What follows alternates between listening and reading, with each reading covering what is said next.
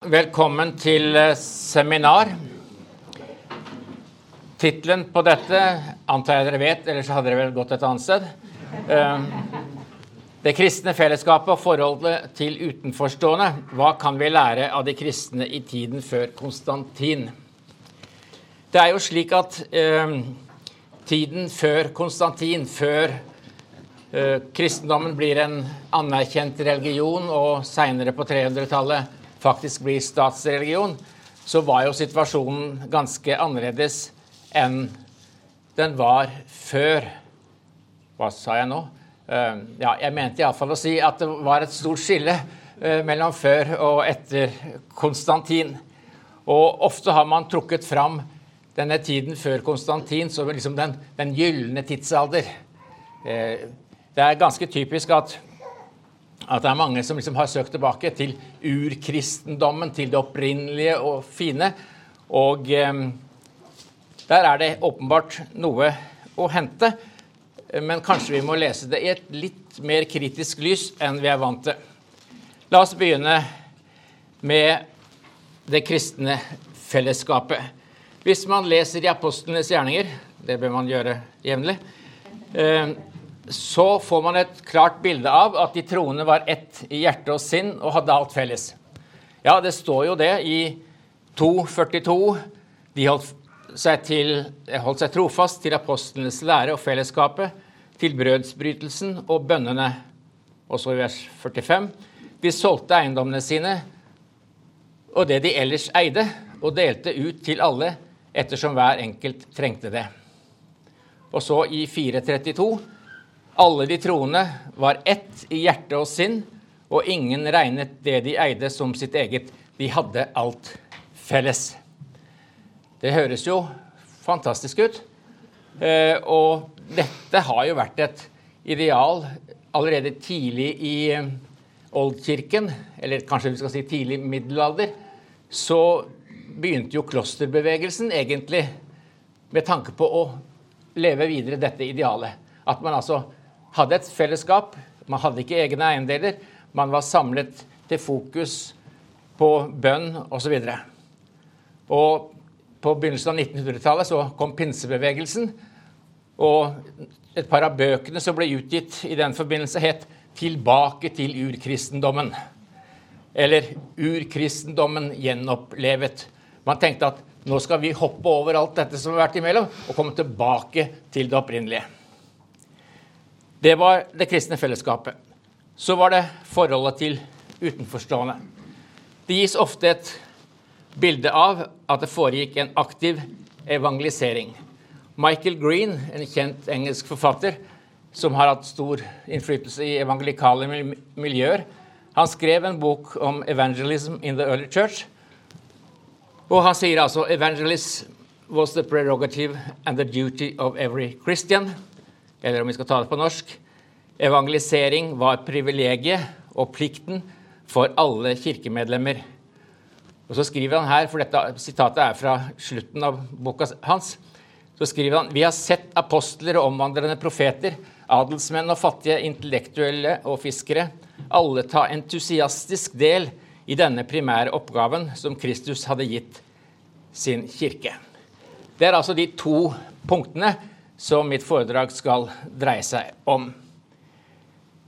Vi begynner med det første punktet og ser at vi fort trenger litt realitetsorientering. For det var faktisk ikke slik at de troende hadde alt felles.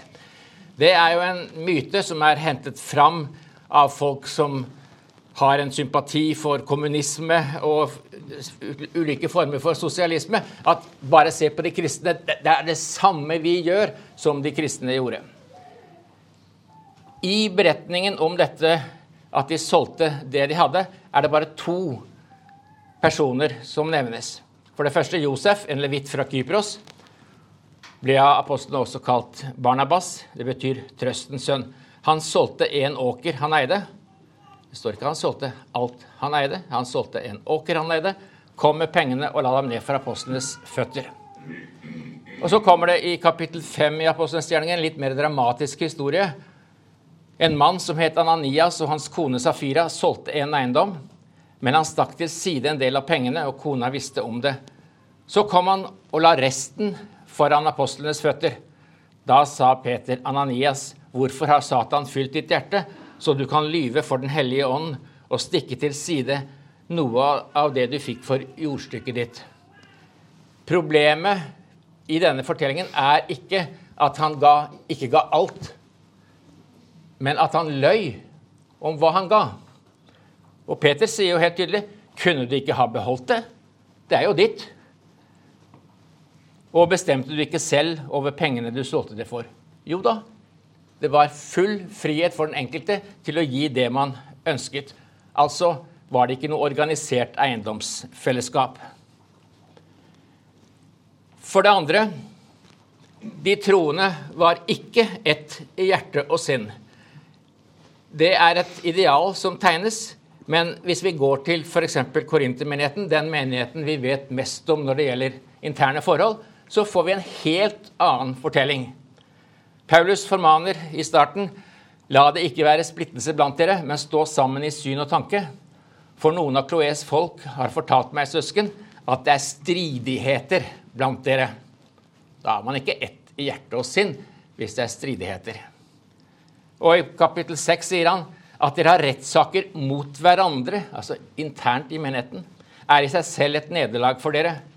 Hvorfor lider dere ikke heller urett? Hvorfor ikke heller lide tap? Men dere gjør urett og lar andre lide tap, til og med søsken, altså trosfeller. Og I kapittel 11 skriver Paulus om nattverden. Når dere da kommer sammen og er samlet, er det ikke Herrens måltid dere holder. For når dere spiser, holder hver og en av dere måltid for seg selv. Den ene er sulten, den andre drikker seg full. Her var det ikke noe fellesskap og enhet. Her var det store klasseforskjeller mellom de rike og de fattige. Noen hadde kanskje ikke noe mat å ta med seg.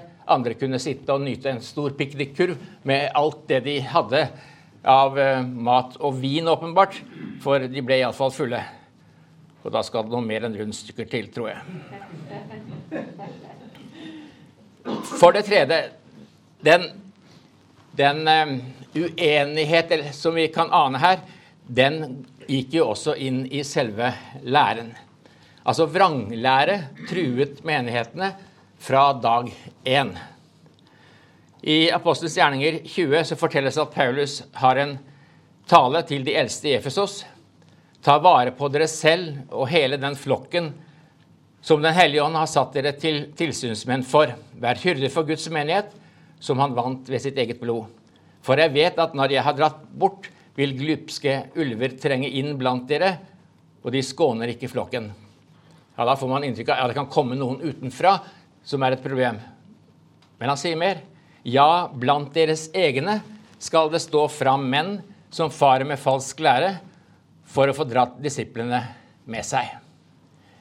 Og Paulus skriver i andre av sine brev eh, om folk som har falt bort fra troen, og som lærer andre ting enn det som var overlevert fra apostlene. Så vranglære var et problem svært tidlig. Vi må ikke tro at det er noe som er sånn nymotens greier. Men man kan si det på en annen måte. All vranglære er nymotens. Derfor hadde man i den eneste tid eh, et sånt slagord nærmest Hold fast ved det gamle. Det kan jo bli litt for tradisjonelt noen ganger, men når det gjelder lære, så er det ikke grunn til å finne opp noe nytt. Der er det noe spørsmål om å ta vare på noe. Ut fra bare de få tingene jeg har sagt så langt, så vil jeg nevne to formaninger som er gitt til de første kristne, og som er like aktuelle for oss. Jeg kunne brukt en masse forskjellige skriftsteder, men her har jeg tatt fra Romerne 15 vi som er sterke, må, de svakes, må bære de svakes svakheter og ikke tenke på oss selv. Hver enkelt av oss skal tenke på det som er godt for vår neste, det som bygger opp. For Kristus tenkte ikke på seg selv. Ja, Kristus er modellen for ethvert kristent liv. Og da gjelder det altså å ikke tenke på det som er godt for en selv, men for vår neste. Det er litt av en formaning å leve opp til. Men det er det Paulus sier. Det var slik Jesus levde, og det var slik Jesus ville at vi skulle leve. Og for det andre så er formaningen 'hold fast ved den overleverte tro og lære'. Der har jeg tatt med et sitat fra Kolosserne 2. Dere har tatt imot Kristus som Herre. Lev da i ham. Vær rotfestet i ham og bygd på ham. Hold fast ved den tro dere er opplært i, med overstrømmende takk til Gud. Det er altså ikke det nye og spennende som er viktig i kristen sammenheng, men det er å holde fast ved det dere er blitt opplært i. Forutsatt, hvis du skal ta med en sånn moderne parentes, at man da har vokst opp i en menighet hvor læren blir holdt i hevd. Dette var altså det første punktet om det kristne fellesskapet. Så går jeg til forholdet til de utenforstående.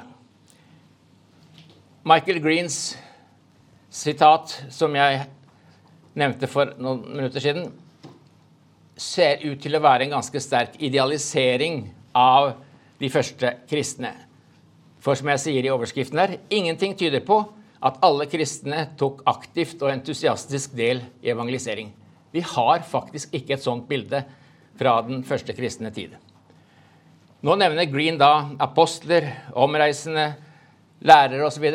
Men hvis vi ser litt nærmere konkret på dette, så er det slik at apostlene er de eneste som omtales som utsending. Apostel betyr jo en utsending. Eh, det er de som er misjonærer. Og når man snakker om apostlenes etterfølger, så er ikke det misjonærer, men det er tilsynsmenn, eller biskoper om man vil, hyrder, lærere. De som tar vare på den apostoliske overlevering i menighetene. Vi får ikke et bilde der av utadrettet virksomhet.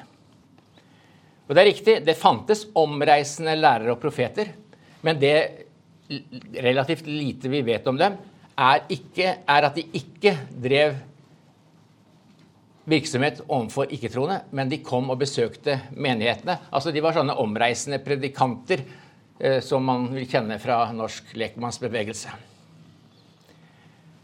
Og misjonærer, altså det ordet, det, det, finnes ikke. Man har ikke egentlig noe ord for misjonær annet enn akkurat da apostel. Eh, og vi finner i noen tidligkristne tekster fra 200-tallet en oppramsing av hva slags eh, tjenester det var i menighetene. og Da nevnes presbytere, diakoner, eksorsister nevnes spesifikt i kirken i Roma. Og den romerske kirka har fremdeles eksorsister som en del av sine klerikale folk. Men det står ingenting om folk som drev en direkte utadrettet tjeneste. Og diakoner, for å bare nevne det, det kunne man tenke det er sånne som driver litt sånn utafor. Nei, diakoner i Oldkirken, det var eh, assistentene til biskopen. Det var det diakonene gjorde. Og Det betyr altså at vi med unntak av misjonsbefalingen i Matteus 28 og paralleller, så finner vi ingen oppfordring til evangelisering i tidligkristne skrifter. Noen av dere vil sikkert si Hæ, er det der riktig? Det kan da ikke være sånn. Ja, jeg har jobbet ganske mye med dette og skrevet et par tre vitenskapelige artikler om det temaet. Gått gjennom alle tilgjengelige kilder, gransket Greens bok og gått etter i sømmene om det faktisk er rimelige tolkninger. Og da er svaret at nei, vi får ikke noe bilde av mange entusiastiske evangelister blant folk flest. Men det finnes noen eh, ting som vi Ja, det er noe vi skal merke oss i den sammenhengen, og det er at man i den tidlige kirke faktisk trodde at apostlene hadde oppfylt misjonsbefalingen. Eh, det er et syn som holdt seg f.eks. i luthersk eh, ortodoksi. Eh, at man tenkte at ja, vi trenger ikke å gjøre det, for apostlene har gjort det. Så altså, tanken om at misjonsbefalingens oppdrag er fullført av apostlene, det er en sånn legende som finnes i tidlige kristne skrifter. Og man har en del tekster som forteller om hvordan de ulike apostlene fikk ulike landområder til disposisjon.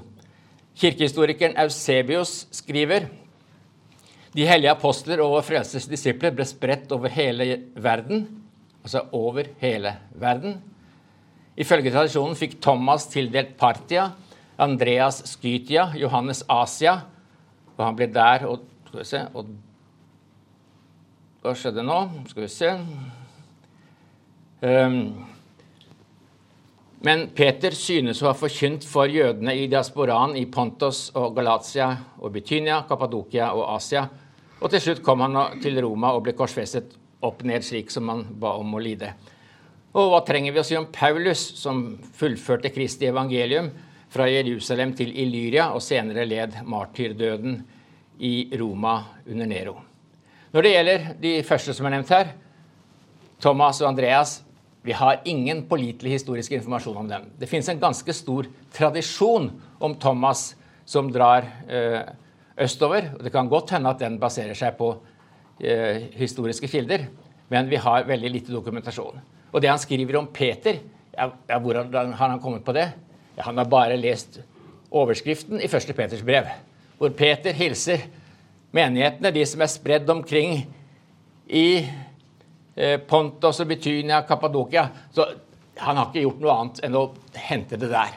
Og når det gjelder Paulus' virksomhet, så siterer han også der fra Romerne 15, er det vel, hvor Paulus snakker om at han har fullført Kristi evangelium fra Jerusalem til Illyria.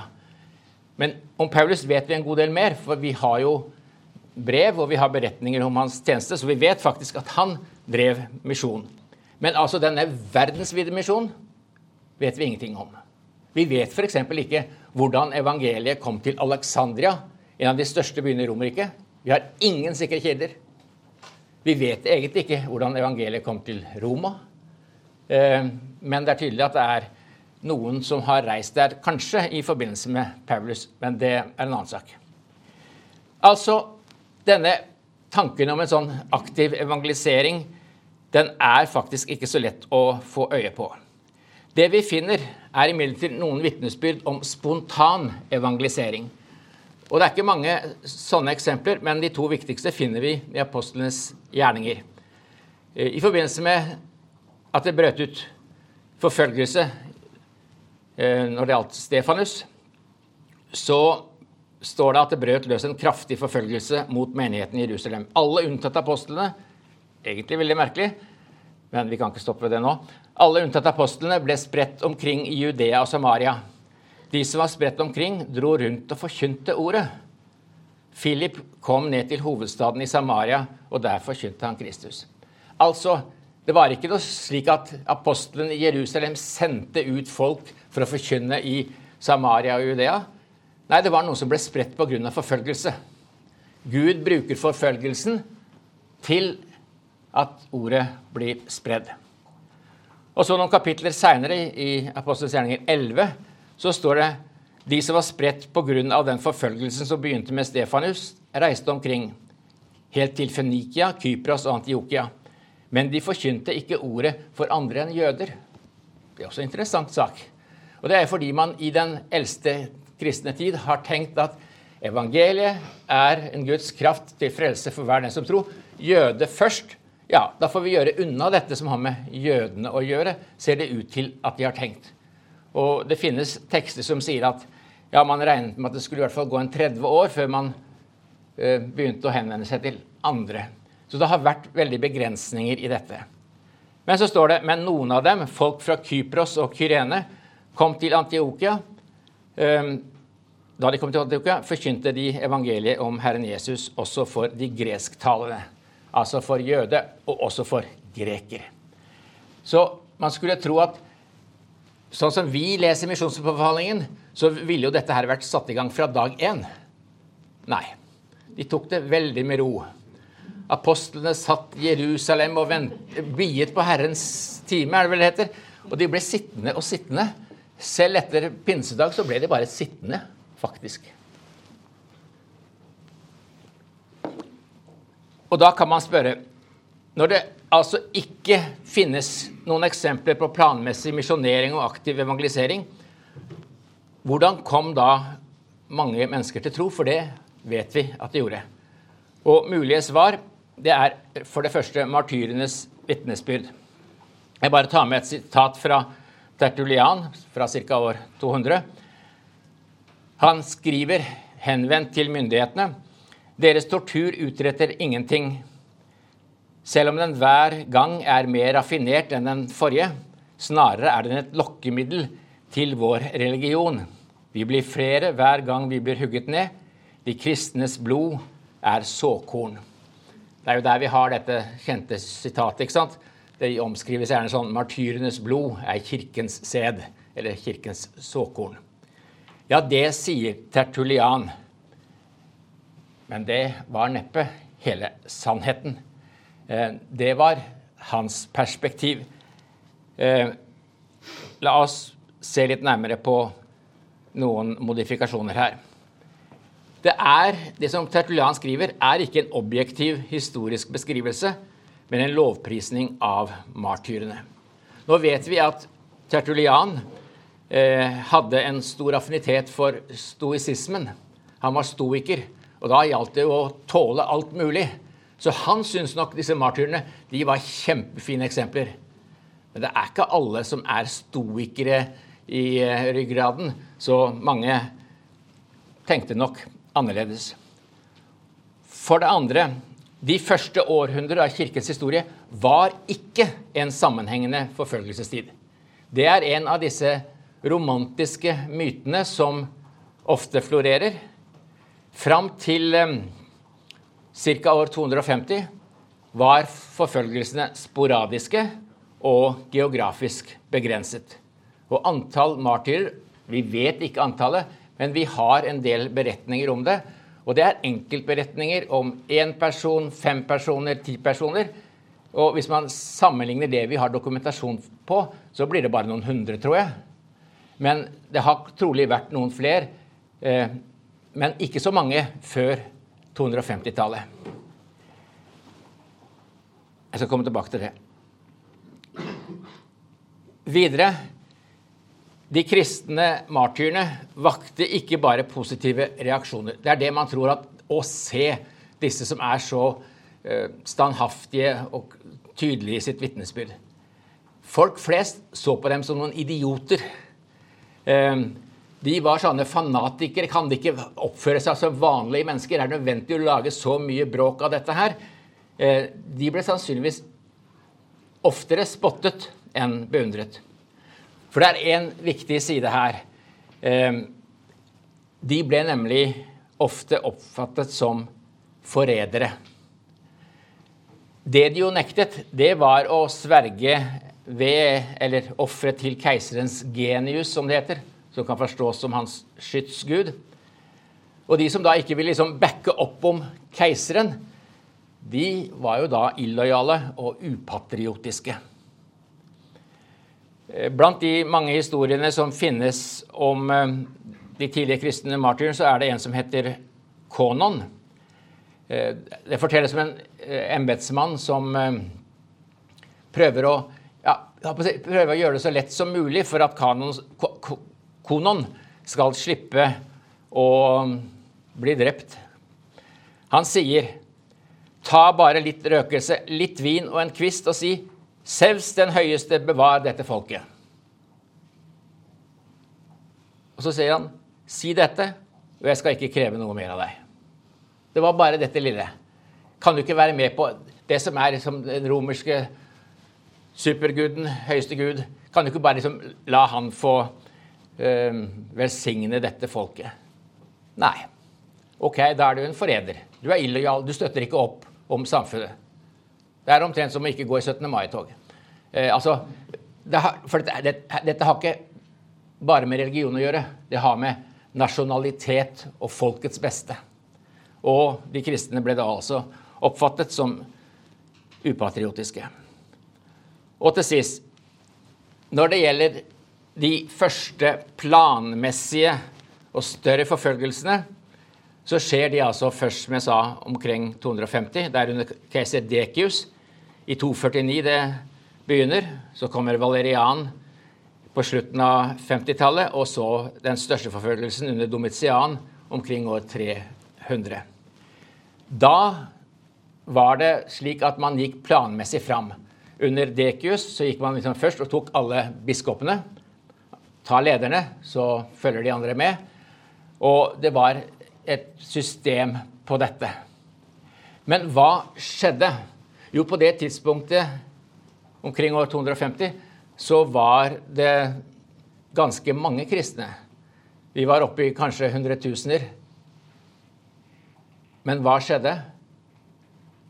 Et meget stort antall falt fra.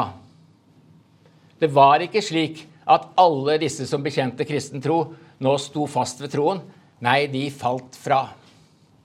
Og det skapte kjempeproblemer for kirkene. For når det ble fred igjen For altså etter, når vi kommer over på 260-, 70-, 80-, 90-tallet, så taler man om den store fredsperioden. Da levde kristne helt greit.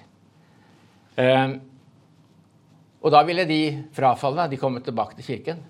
Men hva skulle man da si? Ja, dere har fornektet Kristus offentlig. Kan vi bare ta dere opp igjen som om ingenting har skjedd? Det ble store teologiske stridigheter omkring det. Så mye om martyrer. Hvis vi ser mer generelt hva var det som vakte oppmerksomhet, så var det nok de kristnes livsførsel eh, i det hele. Eh, jeg har tatt med et sitat fra et, et, skrift som heter 'Til Diognet', som regnes, i hvert fall i den norske utgaven, eh, til de apostolske fedre. Og jeg bare leser dette her. De kristne lever blant grekere og barbarer slik det har falt seg for hver enkelt. De følger stedets skikk med hensyn til klær og mat og adferd for øvrig og likevel er deres vandel slik at den vekker alminnelig undring og beundring. De bor i sine land, men som utlendinger. De tar del i alt som borgere, men finner seg i alt som fremmede. Ethvert fremmed land er for dem et fedreland, ethvert fedreland et fremmed land. De gifter seg som andre og får barn, men setter ikke ut sitt avkom. De deler bord, men ikke ekteseng. De er i kjødet, men lever ikke etter kjødet. De bor på jorden, men har sitt hjem i himmelen. De adlyder de gjeldende lover, men gjør dem overflødige gjennom sin livsførsel. Dette er en kristen som forteller om uh, hvordan de kristne lever. Og dette får vi bestyrket også i andre tekster. Det er mange kristne tekster som går i denne retningen.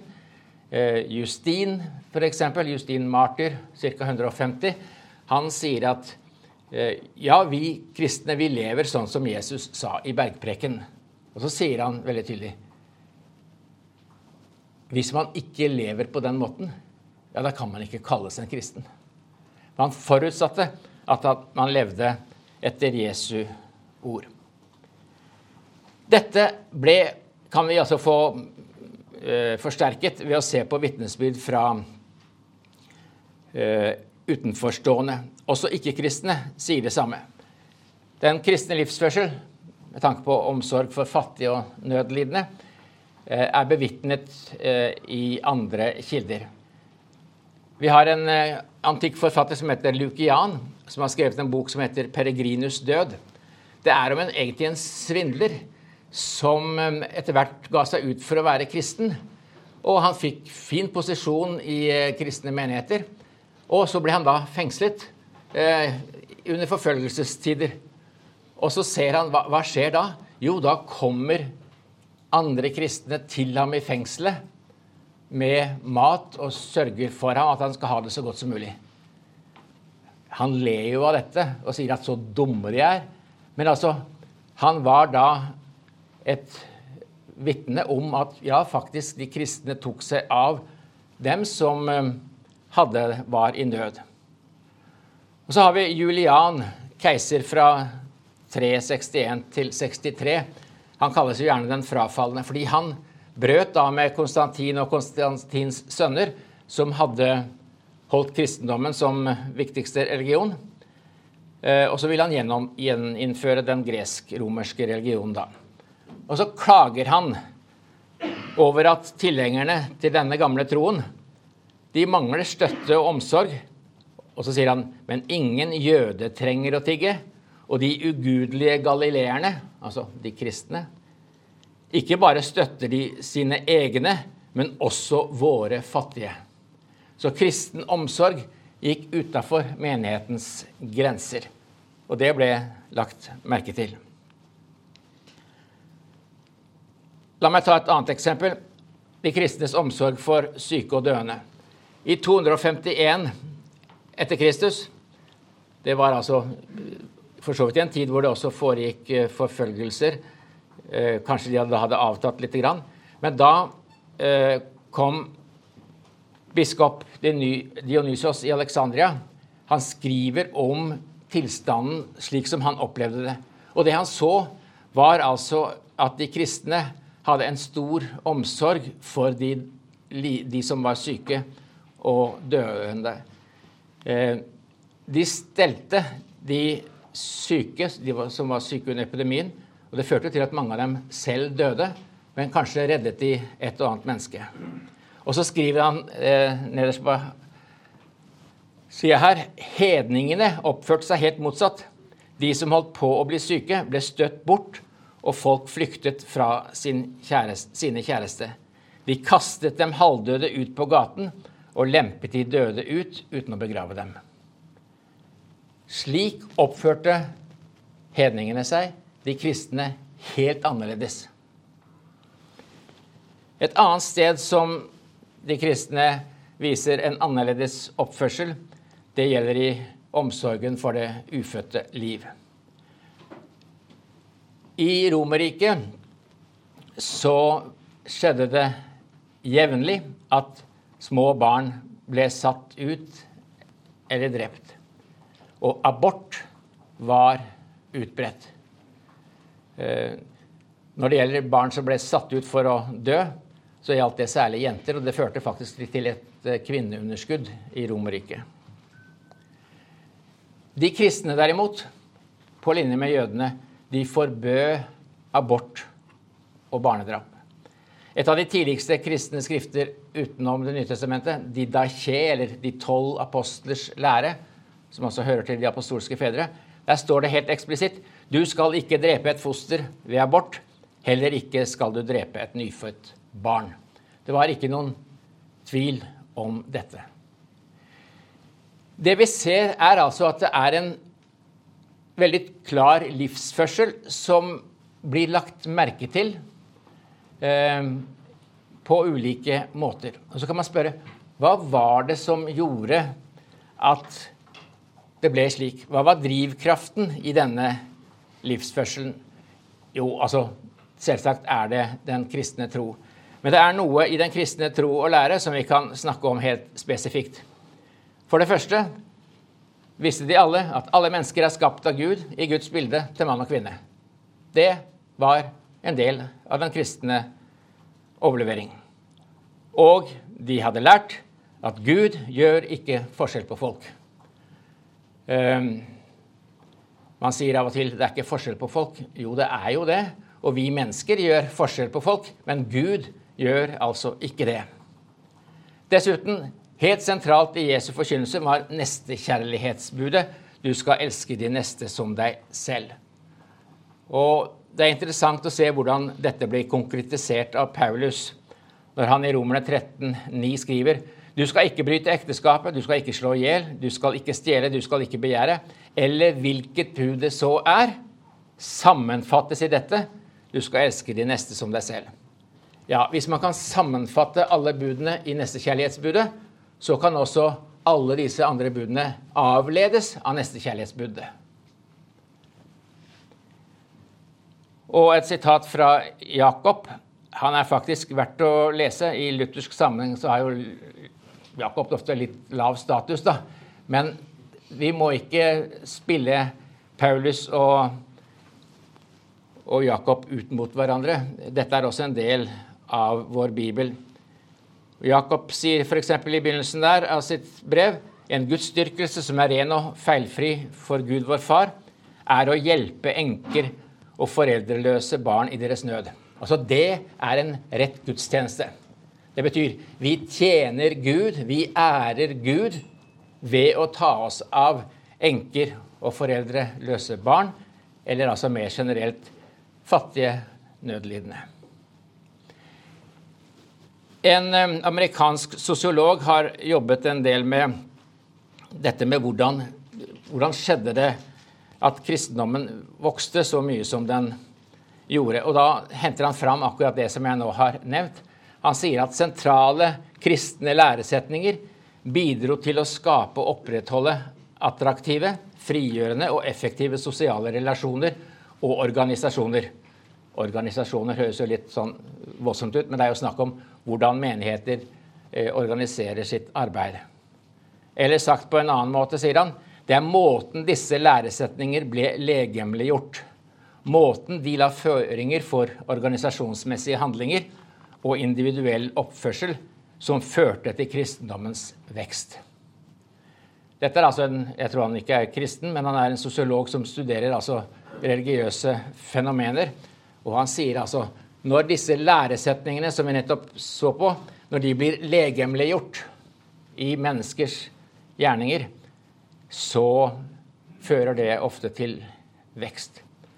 Og veksten, sier han, og det er også med tanke på det han analyserte i moderne sammenheng, det skjer gjennom sosiale nettverk, gjennom direkte og nære personlige relasjoner. Det er enkeltmennesker Eh, og deres oppførsel, deres livsførsel, deres gjerninger som fører mennesket til tro. Så Det betyr altså at det er noen mennesker som blir frelst ved gjerninger. Altså ikke sine egne gjerninger, men andres gjerninger. Andres gjerninger fører dem til tro, så gjerninger er ikke uvesentlige. Disse ulike læresetningene som blir legemliggjort, de fører altså til attraktive eh, eh, fellesskap, eh, sies det videre. Altså attraktive fellesskap som er grensesprengende og inkluderende.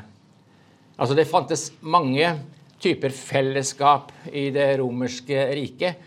Det fantes ulike religioner, men som ofte var lite inkluderende. Det var bare Eh, F.eks. religioner som bare kunne eh, eh, utføres av menn. Men Paulus og Det nye testamentet kommer altså med et budskap. Her er ikke jøde eller greker, slave eller fri, mann og kvinne.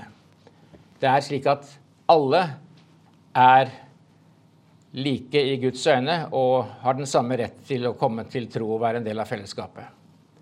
Også slaver fikk jo en ny status. Det er jo dette lille brevet til Filemon som jo er spennende i den sammenheng. For det er jo en rømt slave.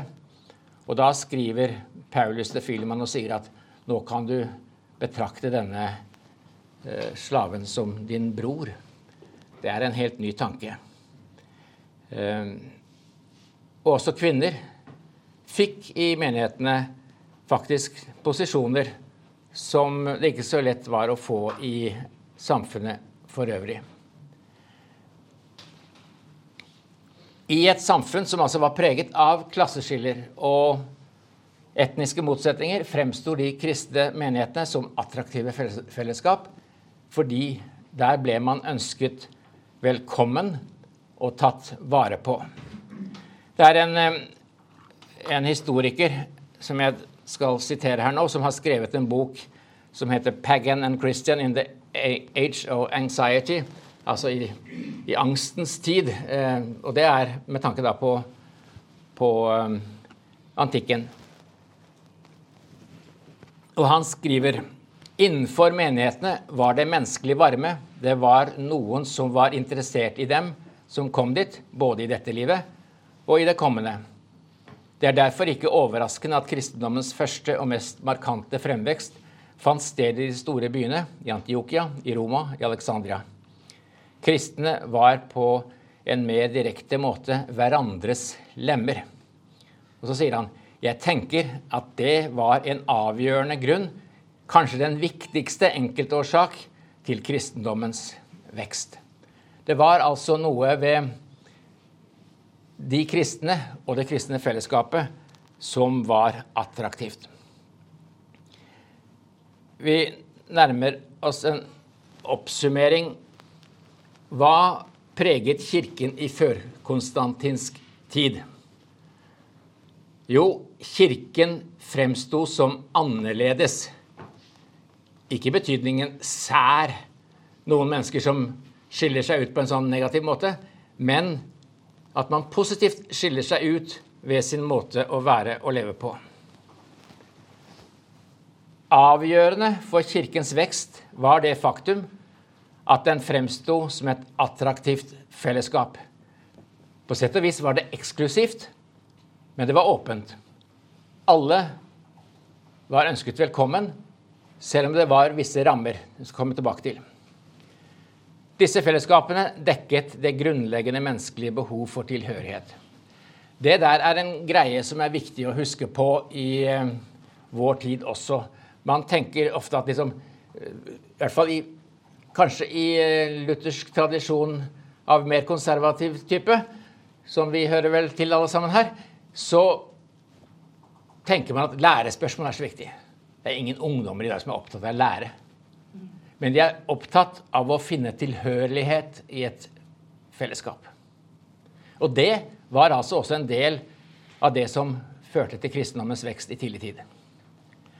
Og da kommer man altså til at på mange måter var det det som skilte de kristne fra befolkningen for øvrig, som bidro til kirkens vekst. Det som skilte de kristne fra befolkningen for øvrig, var den viktigste grunnen til vekst. Det er jo nærmest å banne, i hvert fall i visse kirker.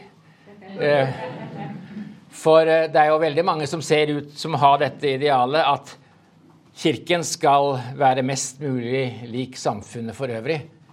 Eh, og man leser jo ikke så sjelden om folk som sier å, nå endelig føler jeg meg velkommen i Kirken. For nå kommer ikke Kirken med noen form for krav. Nå godtar man alle former for seksuell legning osv. Så, videre. så nå er jeg velkommen. Til hva? til et fellesskap som er akkurat lik det fellesskapet du kommer fra. De kommer jo ikke til noe annet. De kommer bare til en bekreftelse av det de står i. Men altså, hva er det vi kan si om Kirken basert på vår trosbekjennelse? Er den allmenn, eller er den hellig, eller er den begge deler?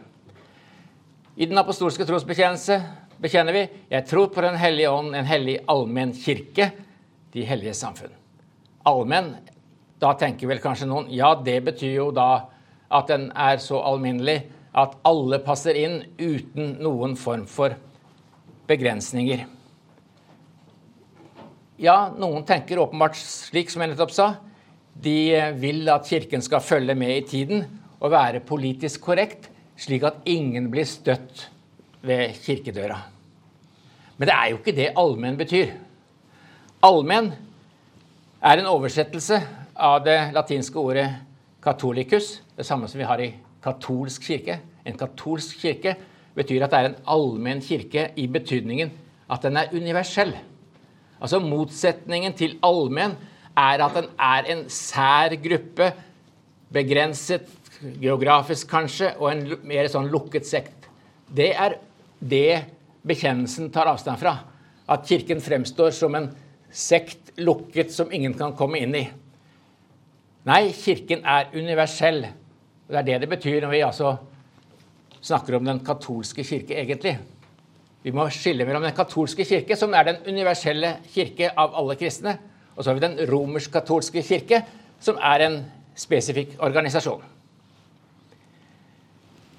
Dessuten er det noe mer som sies enn allmenn. Jeg tror på Den hellige ånd, en hellig allmenn kirke, de hellige samfunn. Tre ganger i sammenhengen her hvor man taler om Kirken, tales det om hellighet. Og hellig, grunnbetydningen til dette ordet er jo at noe er innviet til Gud. At det er adskilt fra verden. Og hva betyr det? At det er annerledes. Så hva kan vi lære av dette? Jo, vi må tørre å fremstå som annerledes i positiv mening. Og for at det skal skje, så må vi hente fram bibelsk materiale som ofte ties, eller forties i våre dager. Og da tenker jeg særlig på det å snakke om omvendelse. Hvis man går til evangeliene og leser de første tingene som Jesus forkynte, så var det 'Omvend dere, for Guds rike er nær'. Omvend dere og tro evangeliet. Jesus begynner hele sin gjerning med å tale om omvendelse. Og eh, han sier jo i forbindelse med ja, i, i, litt ulike sammenhenger, men han sier 'Jeg er ikke kommet for å kalle rettferdige, men syndere'. Der er det noen som sitter punktum. Ja, ja, alle syndere er velkommen. Nei, Jesus sier han har kommet for å kalle syndere til omvendelse. Det betyr at alle skal ønskes velkommen til det kristne fellesskapet. Men det betyr ikke at man skal si ja, du kan bare leve akkurat som før. Alle er kalt til et nytt og hellig liv. Ta med en tekst fra Paulus i 1. Tessalonikerbrev 4. Dere vet jo hvilke påbud vi ga dere fra Herren Jesus, for dette er Guds vilje at dere skal være hellige. Og i vers 7.: For Gud kalte oss ikke til urenhet, men et hellig liv. Det fins drøssevis av tekster som understreker det. Lev ikke lenger slik som hedningene. Lev i lyset. Lev et hellig liv. Ja, jeg tar med et par sitater fra 1. Korinterbrev igjen. jeg. Han begynner jo dette brevet med å hilse til Guds menighet i Korint. Dere som er helliget i Kristus og kalt til å være hellige. Altså i Kristus, ved troen og dåpen, er man helliget i Kristus. Og da er man også kalt til å leve et hellig liv. I første kår 6 skriver han en tekst som man altså ikke bør legge ut på Facebook, forstår jeg. Eh, vet dere ikke at de som gjør urett, ikke skal arve Guds rike? La dere ikke føre vill, verken de som driver hor, de som dyrker avguder, eller de som bryter ekteskapet, verken menn som ligger med menn eller lar seg ligge med, verken tyver, grådige, drukkenbolter, spottere eller ransmenn skal arve Guds rike. Slik var noen av dere før, men nå er dere vasket rene. Dere er gjort hellige. Altså, Det nye testamentets formaninger, sånn som vi finner dem hos Paulus og Peters brev osv., det går jo ut på at det har skjedd noe med dere. Dere som har kommet til tro og er døpt, dere er satt inn i en ny sammenheng. Dere er vasket rene. Ja, da må dere ikke gå ut i skitten igjen. Da må dere leve et rent liv. Den teksten her er jo en av de tekstene hvor Paulus snakker om homoseksualitet. Og det er viktig å bemerke. Og det er jo interessant når Paulus sier at 'slik var noen av dere før'. Ja, han har helt sikkert kjent til homoseksuelle menn. Ingen grunn til å betvile det. Det er jo noen som sier at Paulus vet ikke hva homoseksualitet var for noe. Jo, det visste han. Det var kjent i samtiden, og han har trolig møtt slike mennesker, bl.a. i menigheten i Korint. Men så er det også viktig å huske at det er ikke bare den biten av dette verset som må siteres. For det gjelder alle som bryter ekteskapet, alle som driver hor. Det gjelder tyver, grådige mennesker, spottere, ransmenn. Det gjelder alle. Og så gjelder det alle oss andre som kanskje ikke faller i noen av disse kategoriene. For vi er alle syndere. Alle er vi kalt til omvendelse. Og det er viktig å merke seg at omvendelse gjelder ikke bare de som kommer utenfra. Det gjelder også de som er innenfor. For når Jesus sto fram og forkynte 'omvend dere', hvem er det han snakker til? Han snakker ikke til noen hedninger. Han snakker til Guds utvalgte folk. Abrahams barn, de kalles til omvendelse. Til slutt et par refleksjoner fra førkonstantinsk til etterkonstantinsk tid. Vi må bare huske at når vi henter fram ting fra førkonstantinsk tid, så er ikke ja, Vi vil aldri komme i den situasjonen. Vi lever etter Konstantin i en kultur som er i ferd med å miste de vesentlige tingene i den arven. Men hele vårt samfunn er basert på kristen tanke og etikk. Det vi finner i vårt helsevesen, i sosiale og diakonale tiltak, i fokus på menneskeverd, likhet osv. Hvor kommer de ideene fra? Jo, de kommer fra kristendommen. Det er kristendommen som har gjennomsyret den vestlige kultur på en slik måte at man altså kan kalle det en kristen kultur. Problemet er at selv om disse tingene nå er ordninger, så er det ikke alltid det fungerer. Og dessuten, det som i oldkirken ble sett på som uttrykk for beundringsverdig omsorg når man tok seg av de fattige, ja, det er jo noe man tar for gitt. Ja, vi har jo rettigheter. Dette må jo Nav ordne opp i. Eh, vi kan jo ikke ha det sånn. Eh, sosialkontoret, Nav, roper man hele veien hvis det er noen som har problemer. Å ta eget ansvar, det er en annen ting. Men det skal vi ikke gå inn på. Den kristne virkelighetsforståelsen basert på noen av de punktene jeg nevnte i stad, har jo vært allmenn gjennom århundrer. Det vi har tatt for gitt, altså for 100 år siden og mindre enn det, så var det mange ting som ble tatt for gitt, som i våre dager blir betvilt av mennesker. Både i teori og praksis så betviler man at mennesker egentlig er skapt av Gud. Vi kan jo ordne dette sjøl. Vi kan jo drive med kunstig inseminasjon. og vi kan fikse allting egentlig prøverør og sånn. Så vi, vi, trenger jo ikke å ha noen gud for å skape mennesker. Det er veldig farlig når mennesker begynner å leke Gud. Og at man er født til mann og kvinne, ja, nei, det er jo gått helt ut på dato. For det gjelder jo ikke lenger. Nå, nå vet man jo ikke hvor mange kjønn det er. Men jeg hørte om en, en, en lita jente som hadde hørt på skolen, jeg tror hun var i, blant de første årene, hadde hørt at hun kom hjem og fikk, eh, fortalte at det var syv kjønn. Og så sier hun sånn etter Det er veldig rart at man ikke kan se det. eh, og det er jo noe der Her er det slik at altså biologi, virkeligheten, den blir ofte omdefinert eh, og basert på en subjektiv følelse og opplevelse. Dette er egentlig veldig farlige greier. Vi har, vi, det er jo gjennomsyret samfunnet vårt, men kanskje ikke i, de mest brutale sammenhenger.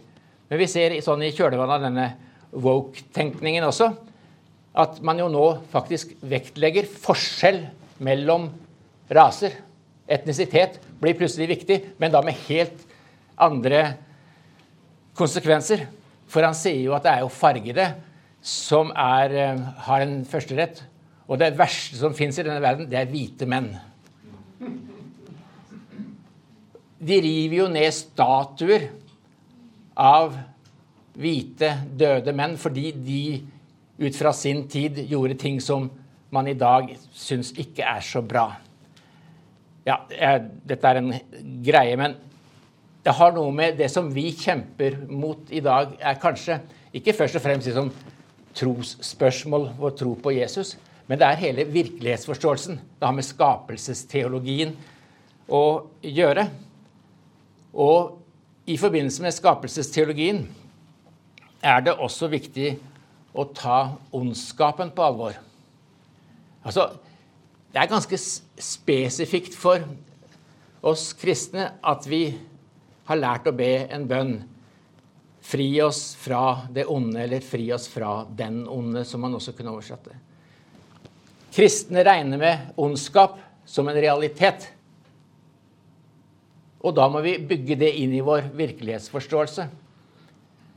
Og det er ikke bare ondskap, men det er at vi lever i en ufullkommen verden. Gud skapte den fullkommen, men det skjedde et syndefall. Mye gikk galt. Og det bærer vi preg av, vi mennesker og samfunnet vårt, den dag i dag. det må vi også kalkulere inn i vår virkelighetsforståelse. Og tro at det blir bedre og bedre dag for dag. Det sang man jo lenge.